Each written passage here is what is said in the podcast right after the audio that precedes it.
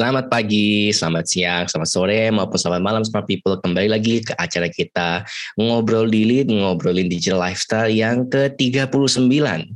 Gak kerasa nih guys, kita udah mau OTW 50, tinggal 11 episode lagi kita udah mau 50 episode. Itu lumayan loh, kayak podcast sudah parah setengah. Sih, parah sih, Iya, yeah, half a hundred episodes itu kayak udah gila sih, keren banget. But Konsistensi anyways, ya guys ya. Konsistensi ya, exactly. Konsisten, yang minggu kita ada, dan selalu ada dengan ide-ide yang baru, dan kembali lagi kalau misalnya dari smart people ada ide-ide yang menarik silakan loh ngomong di mana pun hmm, yang kita hmm. bisa lihat kayak kalau ada ide apa pun But anyways, back to topic. Episode ke-39 ini mungkin agak sedikit apa ya, agak sedikit semacam reflection session nih. Kayak kita agak berefleksi ke, apa ya terhadap what's happening, apa yang sedang terjadi di Indonesia. Karena apa ya topik kita kali ini mungkin akan bahas tentang apa ya tragedi dan duka di media sosial. Tapi kita nggak akan spesifik apa ya ngomongin tentang kasus-kasusnya yang terjadi, tapi kita bakal lebih ke apa ya ngobrolin tentang reaksi dari para netizen. Ya, yeah, in general kayak kita ngobrolin tentang apa ya reaksi dari para netizen ini loh terhadap apa ya berita tragedi maupun berita-berita duka yang muncul di media sosial gitu. I mean of course uh, sebagaimana seperti people tahu kayak if you're not living under a rock dan selalu buka media sosial maupun uh, bahkan apa ya nonton TV aja pasti tahu kalau misalnya yeah. Indonesia ini bahkan seluruh dunia ya kayak sedang apa ya uh, apa ya, ini adalah masa-masa yang suram kayak for the lack of better word kayak ini suram sih. Iya, yeah, benar. Not to diminish any times yang suram tapi kayak sedang ada banyak berita-berita tragedi maupun duka dari tragedi uh, meninggal apa meninggalnya anaknya Ridwan Kamil terus berita tentang uh, eh, PHK massal dari para pekerja startup karena kurangnya investasi yang itu juga kita ngomongin di episode yang sebelumnya kalau nggak salah. Terus iya. kemudian yeah. um, apa uh, wabah kasus meninggalnya apa ternak-ternak sapi padahal juga ini mau menjelang Idul Adha kalau nggak salah but hmm. aku agak lupa lupa kapan Idul Adha sih but anyways ya yeah, there's a lot of apa ya banyak banget uh, berita-berita yang tragedi dan duka dan begitu juga banyak reaksi yang kita lihat dari uh, para netizen di media sosial gitu. Dan oke, okay, mungkin kita langsung jam aja sih karena kayak hmm. apa kebetulan kita hanya berdua di sini ada hanya aku sama Mbak Ines. Jadi kita langsung straight to the point. Kayak menurutku kalau kita lihat dari reaksi netizen ini aku agak apa ya? Um, iffy kayak antara iffy dan kayak apa ya? Uh, aku mengerti reaksi mereka tapi di saat yang sama kayak aku heran dengan reaksi mereka gitu loh. kayak Iya iya iya understandable. Apa ya? Uh, kayak uh, part of me understands kayak apa ya? Uh, kita kita oh ya, mendapatkan berita-berita tragedi maupun duka, of course apa ya reaksi utama kita adalah untuk bersimpati. Tapi di saat yeah. yang sama apa ya uh, nggak semua orang itu bersimpati gitu loh mungkin dari yang dari awal apa ya sangat bertentangan dengan apa uh, berita yang sedang terjadi whatever beritanya itu mungkin mereka apa ya uh, reaksi mereka adalah guyon yang untuk bercanda yeah. gitu misalnya kan apa ya mungkin ngambil contoh nih kalau misalnya kita ngomongin tentang PHK massal gitu kan kita kan ketika melihat apa ya berita PHK massal cuma statistik tuh misalnya kayak oh 100 maupun 1000 apa ya pekerja dari startup ini akan di lay off misalnya. Kan nggak nyebut satu nama itu tapi kan sebagai kolektif numbers gitu kan. Pasti kita merasa yeah, kayak yeah, apa yeah. ya nggak ada attachment apa pun gitu. Kayak oh ya udah that's just like a thousand people jobless by next week gitu misalnya.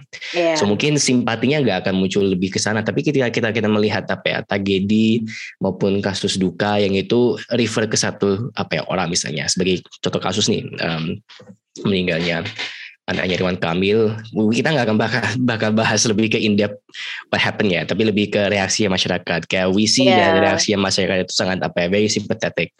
Kayak selama 12 hari uh, beliau ini hilang, kita melihat bahwa semua Indonesia itu apa ya uh, berduka dan yeah, apa ya bergabung untuk ya.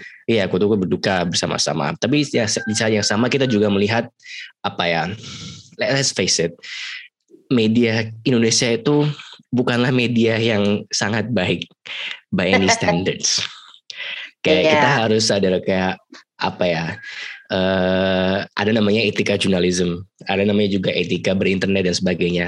Dan kita harus perlu sadari bahwa Indonesia itu apa ya sangat apa ya is, is, is no apa ya nggak kaget makanya waktu itu Microsoft mengeluarkan report yang bilang kalau Indonesia itu nomor satu orang-orang yang tidak, tidak ramah gitu paling tidak sopan ya well that's facts gitu buktinya uh, berita duka maupun tragedi apa pun itu ya let's face it dieksploitasi oleh media Yeah. Banyak banget media yang menggunakan momentum ini untuk mengeluarkan berita sebanyak-banyaknya untuk obviously uh, apa sistem uh, media ini mendapatkan uang adalah ya dengan apa semakin banyak klik, semakin banyak engagement, maka semakin banyak ads yang mereka munculkan. Therefore ads-nya yeah. akan makin apa uh, dari ads revenue langsung banyak yang bayar gitu. So kita sering banget lihat kayak apa ya berita-berita uh, yang mungkin nggak penting dan nggak relevan dengan kejadian yang sebenarnya, tapi dibungkus dengan bahwa ini adalah suatu hal yang penting untuk diketahui untuk keep up to date dengan berita yang terjadi misalnya kayak sering banget lah kita kita ketika ada apa kejadian tragedi mungkin ada yang ngomong kayak iya sebenarnya saya sudah merasakan ada firasat buruk bahwa Aduh, ini akan iya terjadi. iya kan? Itu kan tiba-tiba apa ya tiba-tiba berita itu yang bullshit banget itu loh. So yeah. not only is Microsoft correct kalau kita adalah nomor satu apa ya orang yang tidak ramah tapi juga um, agak agak controversial apa ya agak hot take sih ini. Tapi kayak ya it's not wrong that Indonesia juga nomor satu top 12 skizofrenia sedunia sih. Karena banyak banget berita halu-halu yang menurutku itu kayak itu bukan berita yang penting. Tapi di, di saat yang sama kayak that's what pays the bill. Itu yang bikin orang yeah. itu bisa makan loh orang-orang I mean not to discredit orang-orang media I'm sure ada orang-orang media yang sangat bagus etik jurnalismnya tapi mungkin media yang gue refer ini adalah yang media-media online tuh loh yang clickbait, yang nggak punya. ya. ya clickbait clickbait banget. Kayak mereka sengaja banget kayak apa ya 10 kegiatan sebelum apa ya tidur uh, sebelum tidur atau apa betul. Kayak it's not important gitu loh. Nomor tujuh akan bikin kamu kaget ya. Ya ya, ya tiba-tiba kayak gitu loh dan itu bikin orang tertarik kan karena itu kan ya, informasi yang mindless kayak yang orang juga mungkin baca sambil bengong gitu loh. Jadi kayak yang penting mereka klik gitu kan. Anyways yeah. dieksploitasi kan sama media dipakai terus terusan dan itu menurutku apa ya menjadi kayak semacam uh, apa ya menghalangi berita-berita penting untuk muncul di kita gitu loh karena ya let's iya. face it, uh, social media kita kan is apa ya dibuat sedemikian rupa agar kita melihat hal-hal yang kita sukakan, bukan hal-hal yeah. yang kita iya, perlu gitu loh. Uh-uh. Echo chamber. Kalau misalnya kita udah ngeklik sekali link berita yang semacam kayak gitu, ya udah kemungkinan besar kita akan dapat yang terus menerus gitu loh. Jadi kayak berita-berita lain yang mungkin sama halnya penting itu nggak muncul gitu loh. Iya. Yeah. menurutku itu adalah kayak salah satu apa ya? Uh, mau dibilang nakal juga ya gimana ya itu livelihood media iya, tapi online emang, gitu.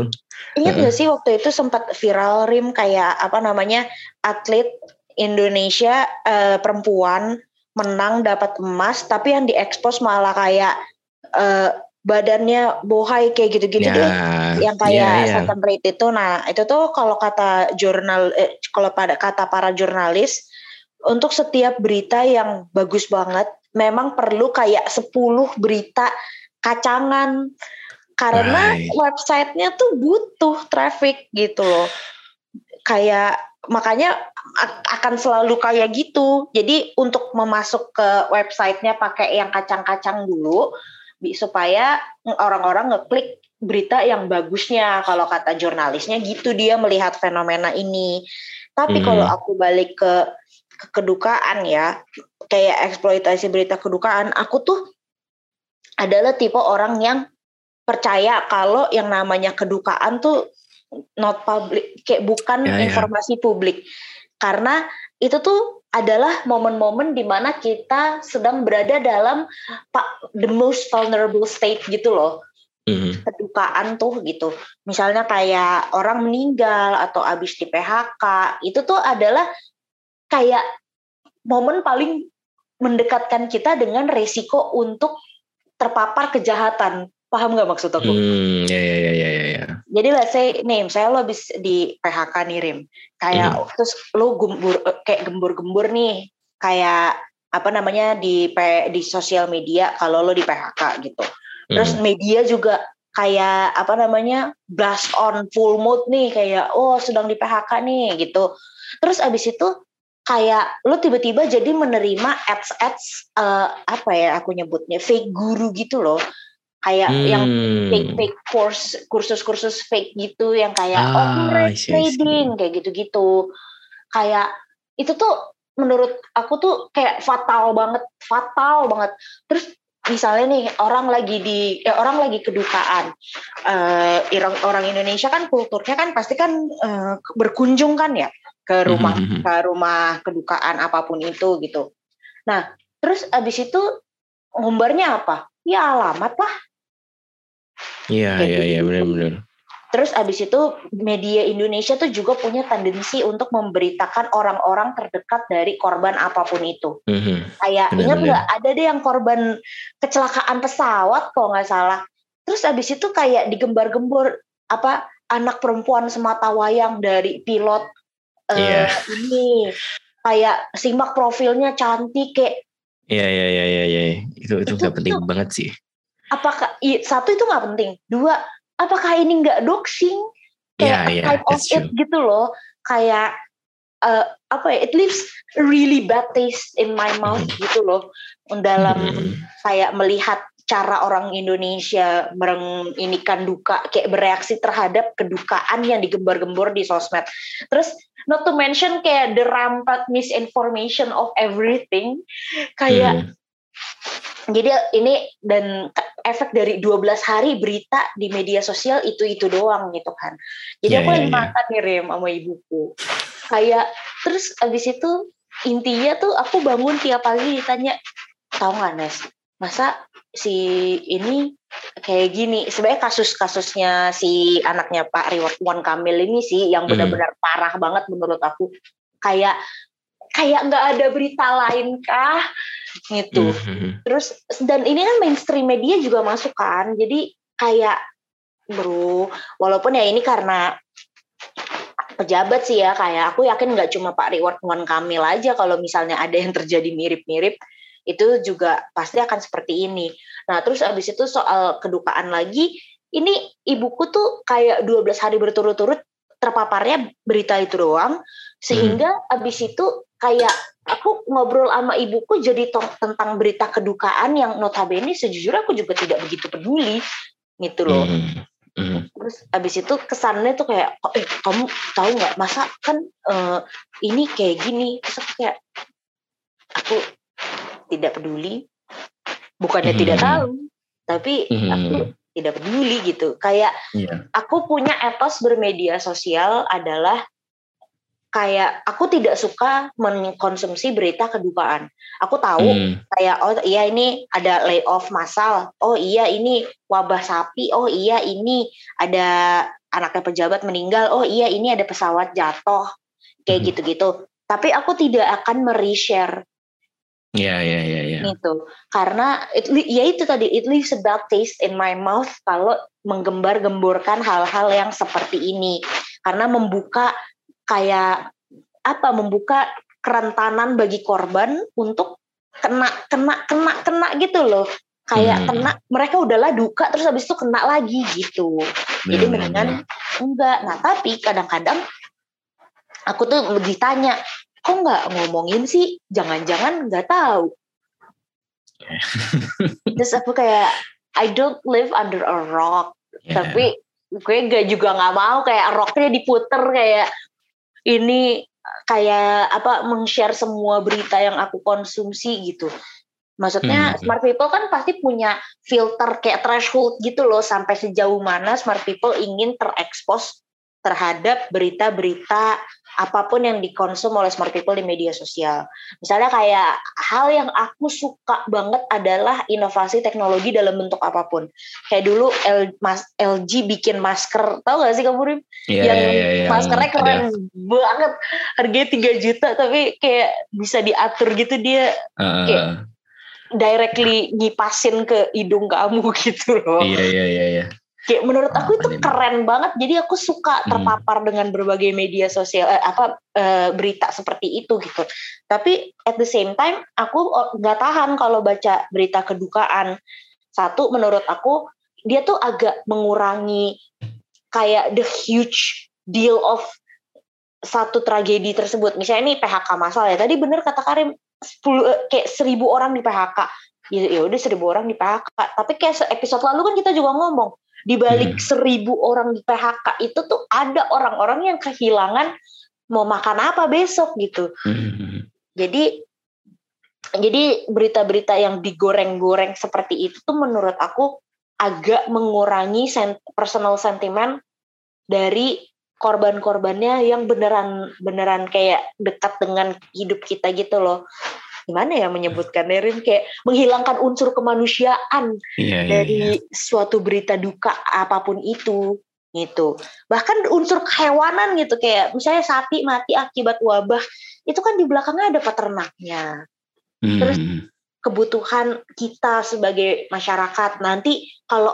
sapi para pada mati karena wabah terus nanti daging mahal yang kayak hmm. gitu-gitu gitu jadi uh, penggoreng-gorengan eksploitasi isu kedukaan tuh kemudian menciptakan suatu kayak hilangnya kemanusiaan unsur kemanusiaan dari berita tersebut gitu loh that mm. is hmm. why aku pribadi sih nggak begitu threshold aku rendah sih terhadap berita-berita kayak gini mm. jadi ya mendingan menghindar menarik sih itu apa ya kayak jujur aja kan emang berita-berita sekarang emang commodified kan kayak dibuat yeah. apa ya it's to sell itu adalah untuk menjual suatu hal kayak uh, maupun itu ads-nya maupun itu kredibilitas dari apa uh, medianya tersebut tapi ya bener sih kayak menurutku yang jadi salah adalah kita ketika kita mengkomodi ketika kita commodify kedukaan grievance yeah. dan kita nggak bisa memberikan ruang untuk mereka untuk yang berduka untuk benar-benar berduka kayak bayangin aja kayak apa ya I apa ya aku nggak bisa bayangin tuh loh kayak aku sedang berduka terus tiba-tiba ada apa ya konversi pers di depan rumahku itu loh. Like, iya iya iya iya. gitu kayak gimana keadaan ini ini, ini? Kayak it takes time to process grief tuh kayak butuh waktu yeah. untuk proses kedukaan. Dan bayangin aja ketika semua media yang ada di muka di bawah matahari Indonesia ini mencari tahu informasi tentang kedukaanmu menurutku itu bakal overwhelming bagi yeah. mereka yang sedang berduka ini gitu loh. Tidak memberikan mereka ruang untuk berduka maupun apa ya ruang yang aman dan nyaman untuk berduka sendiri gitu loh seolah-olah yeah. commodified dan kembali lagi yang yang mestinya menjadi hal yang pribadi menjadi hal yang publik gitu loh Yeah. Regardless lah ya, regardless uh, apa ya, apakah orang tersebut emang ingin mempublicize itu kan mereka atau tidak, tapi apa ya, ketika mereka mempublicize ya udah that's on them gitu loh. Maksudku kayak yang mereka publicize ya udah itu mereka publicize. Bukan berarti ya, media lain juga. ya benar bukan berarti media lain juga bisa ikut menggoreng itu loh. Just because mereka open to share bukan berarti itu mereka open to be interrogated gitu loh. Iya. Yeah. bukan berarti mereka open untuk digali segali apa ya sedalam-dalamnya untuk menjadi konten bagi para media media ini sih.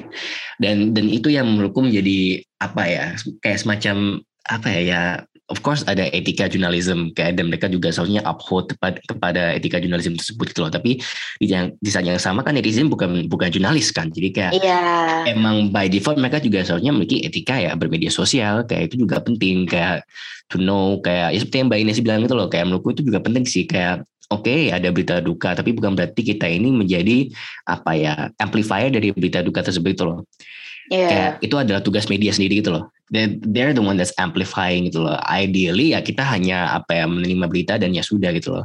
Tapi ya kenyataannya ya kita bisa melihat kalau memang berita-berita seperti ini tuh ya laku gitu loh. Iya. Yeah. Kayak bukan tanpa alasan para media ini tuh melakukan terus-menerus menggoreng-menggoreng berita ini ya karena mereka sadar ini itu tuh laku gitu loh kayak dengan literasi baca ya Indonesia yang sudah rendah ditambah dengan med, apa ya berita-berita berita-berita seperti ini kan tiba-tiba ada lonjakan banyak yang baca kan apa ya mereka ya kaget gitu loh kayak oke okay, so this is what sells Let's gitu capitalize gitu. Ya, mari kita mari kita capitalize dari ini. Bener, bener. kayak mungkin kalau berita tentang tech updates kayak mungkin cuma apa ya handful of people yang mungkin tertarik tapi ketika ada apa ya berita seperti ini yang ya yang emang duka, yang emang tragedi dan yang sedih, yang apa ya, you can apa ya kita bisa masukkan dalam payung drama lah ya. Itu kan uh-huh. laku banget, laku keras di Indonesia gitu loh.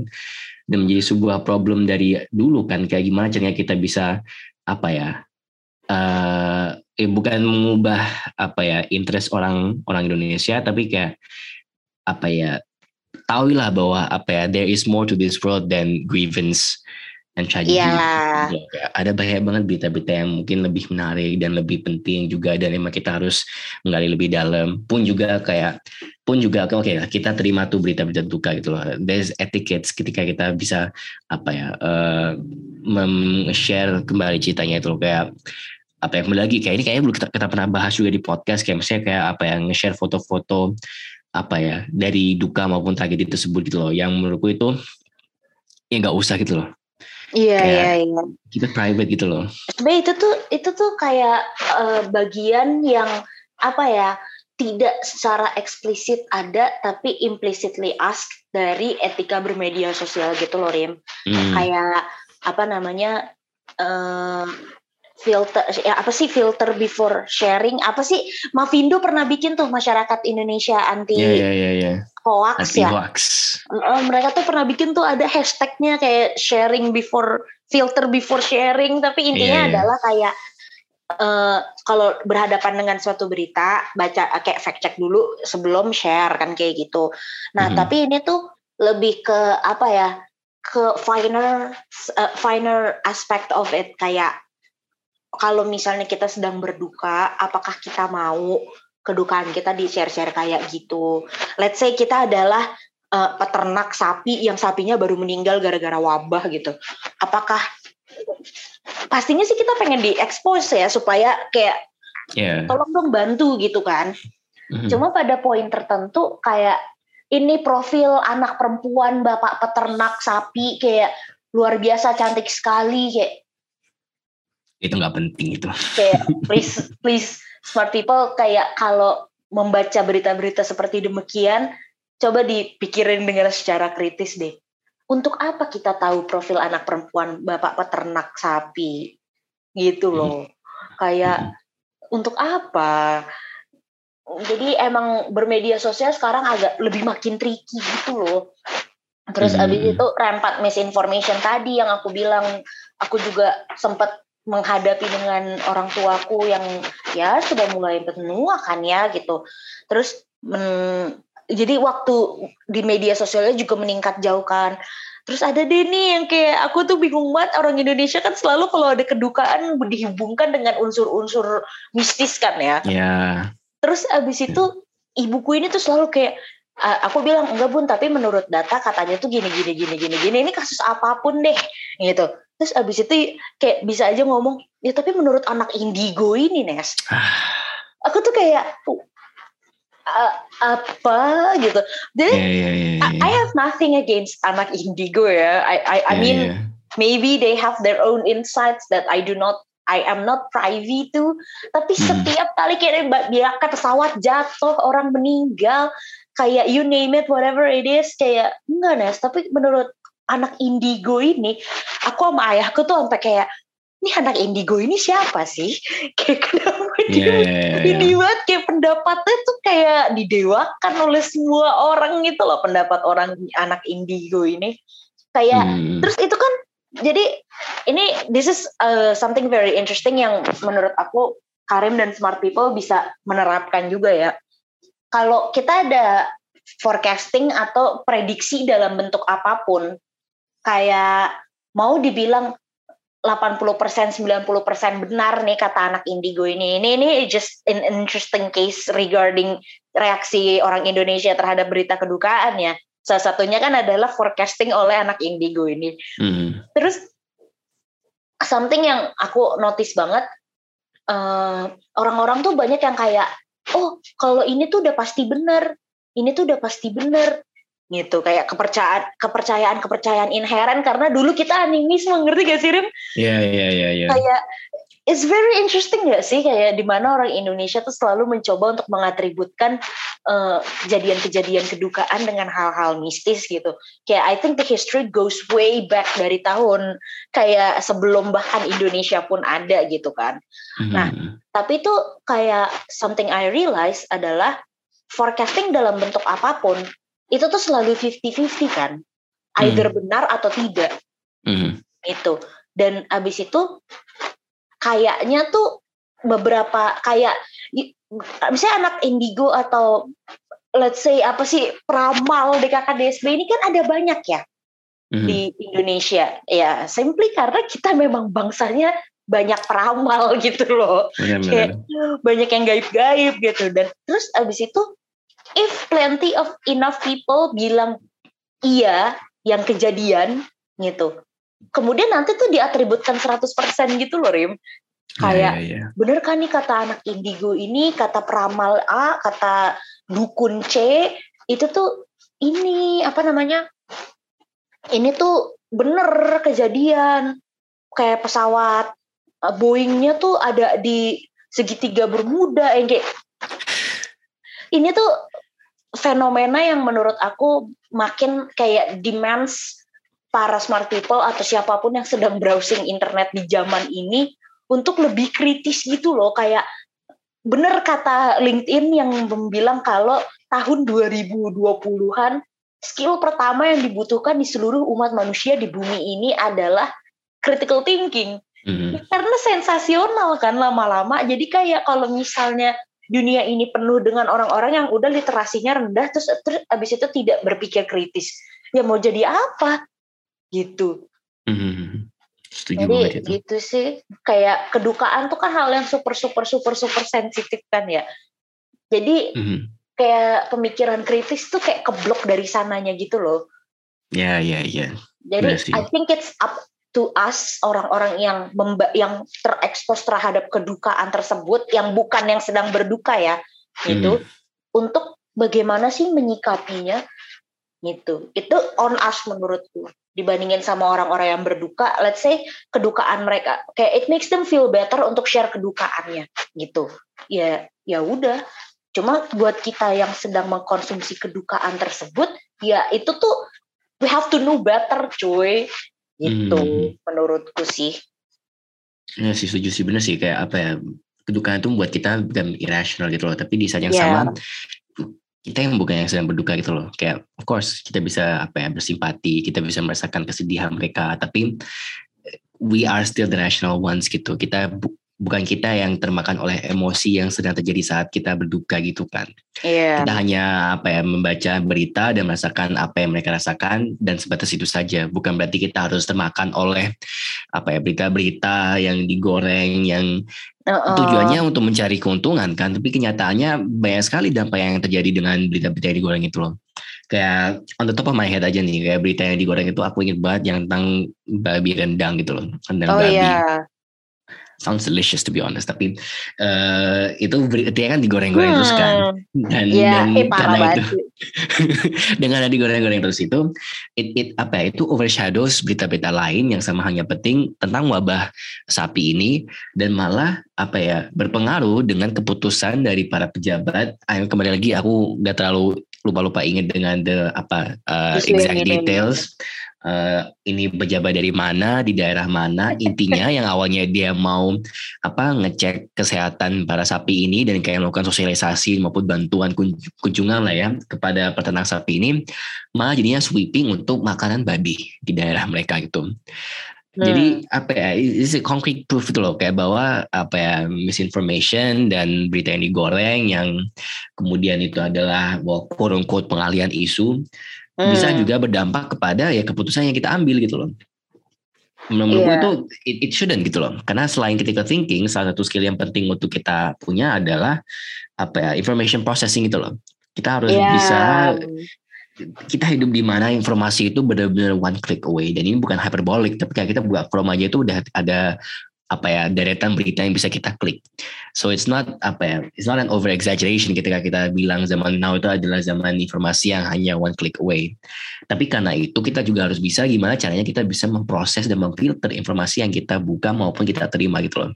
Yeah. Of course kita nggak bisa kita nggak bisa apa ya kita bisa memilih berita yang bisa yang bisa kita konsumsikan tapi bukan berarti kita bisa apa ya memilih informasi apa yang kita disuguhi gitu loh kayak it's iya, just yeah, yeah, daerah benar, gitu benar, kan benar kayak kita nggak nggak bisa milih what people retweet on our timeline gitu loh. Kita nggak yeah. bisa memaksa mereka mau retweet apa. Kita nggak bisa memaksa orang mau ngepost apa di apa story mereka. Kita nggak bisa memaksa mereka mau nge-share apa gitu-gitu. Jadi kayak kita akan selalu disuguhi oleh berita yang kita memang kita nggak mau gitu loh. Tapi yeah. bukan berarti kita tuh harus menerima informasinya itu apa dengannya dan menjadikannya itu sebuah reaksi gitu loh. Kita bisa memilih untuk tidak menerimanya gitu loh we cannot control the flow of the information, tapi kita bisa kontrol diri kita sendiri. Yang menurutku itu adalah salah satu aspek yang penting hmm. yang harus smart people apa ya tanamkan ke dalam apa ya uh, ethics ketika kita bermedia sosial gitu loh. Kayak apa ya? Oke, okay, kalau misalnya kita apa ya tipe orang yang gak suka dengan berita duka dan be the kind of person yang gak nge-share berita duka. Iya, Oke, benar. kita nggak suka dengan berita yang hoax, berita-berita yang nggak penting, nggak jelas, berita-berita yang minor, dan of course kita jangan ikut mengkompori berita-berita tersebut loh. Kayak it's an action and reaction bagi para media ini tuh loh. Kayak ya mungkin inherently mereka tahu kalau berita yang mereka bawa itu sampah, tapi di saat yang sama engagementnya mereka itu luar biasa gitu loh. Jadi kan mereka mikir kayak, wah I mean if it's trash, tapi everybody likes it then it's good trash gitu loh. Iya, benar benar. trash benar. taste gitu misalnya. Jadi kayak ini tuh yang jadi masalah gitu loh. Kayak ada action ada reaction gitu loh dan seharusnya kita sebagai apa ya para smart people ini ya tau lah bahwa nggak semua berita itu maupun nggak semua media atau informasi apa itu perlu reaksi dari kita gitu. Iya, iya, iya. Atau kayak aku rasa Instagram dan Twitter, kalau Twitter aku nggak tahu. Eh, Twitter kayaknya iya ada juga deh. Itu sudah menciptakan fitur yang menurut aku luar biasa buat orang-orang yang hanya ingin bereaksi saja gitu loh. Yaitu Hmm. fitur react yang tinggal ya, ya, ya. diketok dua kali, terus abis itu ada love, sad, angry Ya, gitu kan. Ya, ya, ya. Terus itu kan That's berarti kayak kita telah bereaksi dengan suatu berita tanpa harus reshare atau kayak engage further Mhm. dengan eh, apa namanya berita tersebut kan. Jadi kita udah bisa tinggal reaksi aja tuh udah bisa. Jadi kayak smart people tuh harus nge-shape gimana ya? Kayak kita tuh semua orang harus nge-shape our own in social, media experience gitu loh. Mhm. Karena kalau misalnya kita nggak shape, kalau misalnya nih kita kayak bosen on a kill on uh, scrolling spree, terus abis itu kita kayak uh, wah gila berita kedukaan semuanya dibuka, semuanya dibuka, semuanya dibaca, terus dikonsum kayak orang gila, misalnya kayak gitu. Tapi abis itu kayak tidak dikritisi gitu. Jadi abis itu nanti berita kedukaannya muncul terus kayak di YouTube tuh banyak tuh yang kayak apa pesawat ini sudah ditemukan. Tapi begitu klik videonya ternyata belum belum. Ya, ya, ya. Yang kayak gitu-gitu loh. Yang pure clickbait di dunia ini di cyberspace tuh rame. Yang kayak Hmm. gitu. Jadi it's on us to shape our experience apakah kita akan apa namanya menjadi orang yang nge-reshare gara-gara kita berasa kayak sialan gue buang waktu. Kalau gitu gue harus Iya. membuang waktu orang lain juga kayak gitu. Ya, ya, ya, ya. jangan gitu loh. Dari kita dari Center for Digital Society janganlah jadi orang yang seperti itu. Bener-bener. Dan apa ya kembali lagi ke media sosial itu aku jadi ingat kayak emang apa ya itu udah ada toolsnya gitu loh. Udah ada tools untuk kita bisa memfilter berita gitu.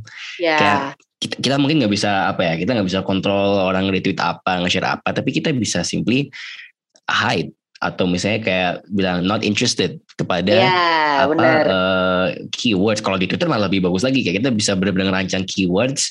Kayak juga ada apa ya string of words yang kita bisa masukin ke dalam eh, apa filternya itu. Dan itu juga bakal bisa ngubah susunan timeline kita. Jadi kayak the tools are there gitu loh. Masalahnya adalah apakah kita tahu toolsnya itu apa dan apakah kita mau menggunakan tools tersebut itu loh. Simple kayak not interested misalnya. Kayak di Facebook kan sekarang banyak banget tuh kayak apa ya eh, page-page media maupun page-page grup itu ya yang apa ya yang sponsor dan kayak muncul di Iya iya timeline iya. Facebook. Yang itu kayak nggak penting itu loh. Tapi kayak di saat yang sama kayak kalau misalnya kita ignore itu juga sama halnya seperti kalau misalnya kita itu berinteraksi dengannya gitu loh. It means that apa ya, it, itu menunjukkan kayak neither disinterest maupun interest itu loh. Jadi kayak ya bakal di push terus sama algoritmanya mereka gitu loh. Sampai kita baru bisa bereaksi apakah itu dengan nge-hype postnya atau bilang not interested atau mungkin react dengan apa eh, di like dan sebagainya baru itu akan membentuk Iya iya iya. apa ya iya. timeline yang kita idamkan gitu loh. Jadi kayak emang kita harus proaktif gitu loh, smart people. Kayak eh, kita nggak bisa diem diri aja, kita nggak bisa terima apa adanya. Kayak information is dynamics, kita juga harus sama-samanya dynamics gitu. Betul. Dan gue itu ya, ya, penting sih dan kembali ke ke berita duka kayak apa ya take away-nya adalah ya oke beri- berita duka itu akan selalu ada kayak nggak mungkin nggak akan ada dan nggak mungkin media-media kita tuh nggak akan memberitakannya kecuali kalau emang itu ada unsur politisnya yang kayak Ya. alasan kenapa mereka nggak mau diberitakannya itu loh kayak that's a whole other topic yang itu juga sama halnya menarik Ber- berita duka itu akan selalu ada orang-orang yang relate dengan berita duka akan selalu ada dan orang-orang yang akan apa ya termakan oleh berita-berita duka itu akan selalu ada gitu loh Ya. it's up to us apakah kita akan menjadi orang seperti itu but not to say that orang yang seperti itu adalah salah tapi kembali lagi kayak kapasitas kita sebagai manusia itu hanya sepersekian persen untuk bisa menghadapi media sosial itu loh kayak ada banyak 1100 jutaan studi yang sudah menemukan bahwa sosial media dan berita-berita itu has an impact on us Hmm. maupun itu positif maupun itu negatif dan kembali lagi ya kita sudah mencoba untuk meregulasi para media sosial ini tapi ya kenyataannya mereka selalu menemukan cara untuk menjadi lebih tricky dan menjadi lebih Ya. licik gitu kan jadi kembali lagi it's up to us gitu Ya. Tapi apa tahu nggak yang lebih juga up to us? Atau up Apa to tuh? smart people sih sebenarnya. apa itu Itu adalah untuk menghubungi kita, untuk melihat sosmed-sosmed kita, riset-riset kita. Di mana Rim?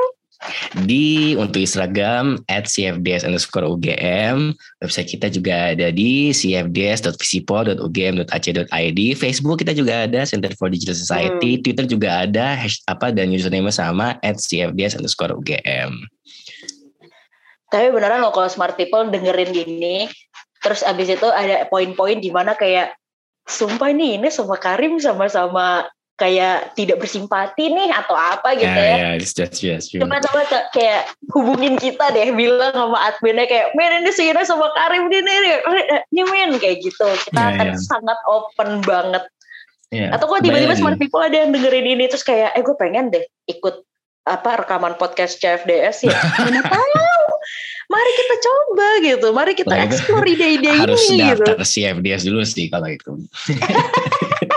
But ya, yeah, aku setuju banget sama yang bilang sama Mbak Ines. Kayak kembali lagi kalau misalnya apa ya, ini adalah topik yang sangat sensitif. Ya. Dan apa ya, this is no way adalah reflection apa ya terhadap CFDS sebagai apa badan riset maupun kita sebagai apa pribadi individu. Tapi ini kita lebih ke mereaksi terhadap apa ya berita-berita duka yang sedang terjadi sekarang ini. Kayak iya sih. Mungkin kalau yeah. kita Mhm. health ini kayak 10 episode lagi kita ngomongin topik ini mungkin kita stand view-nya apa kayak po- sta- stance-nya udah beda terhadap hal ini ya. ya ya ya benar benar benar kayak Karena- manusia akan selalu berubah. Betul. Kar- Karena kalau dalam masalah eksploitasi berita duka itu juga harus dilihat dari masyarakatnya sekarang sedang apa. Karena kita lagi pandemi, jadi kita terus berduka smart people gitu. Betul betul.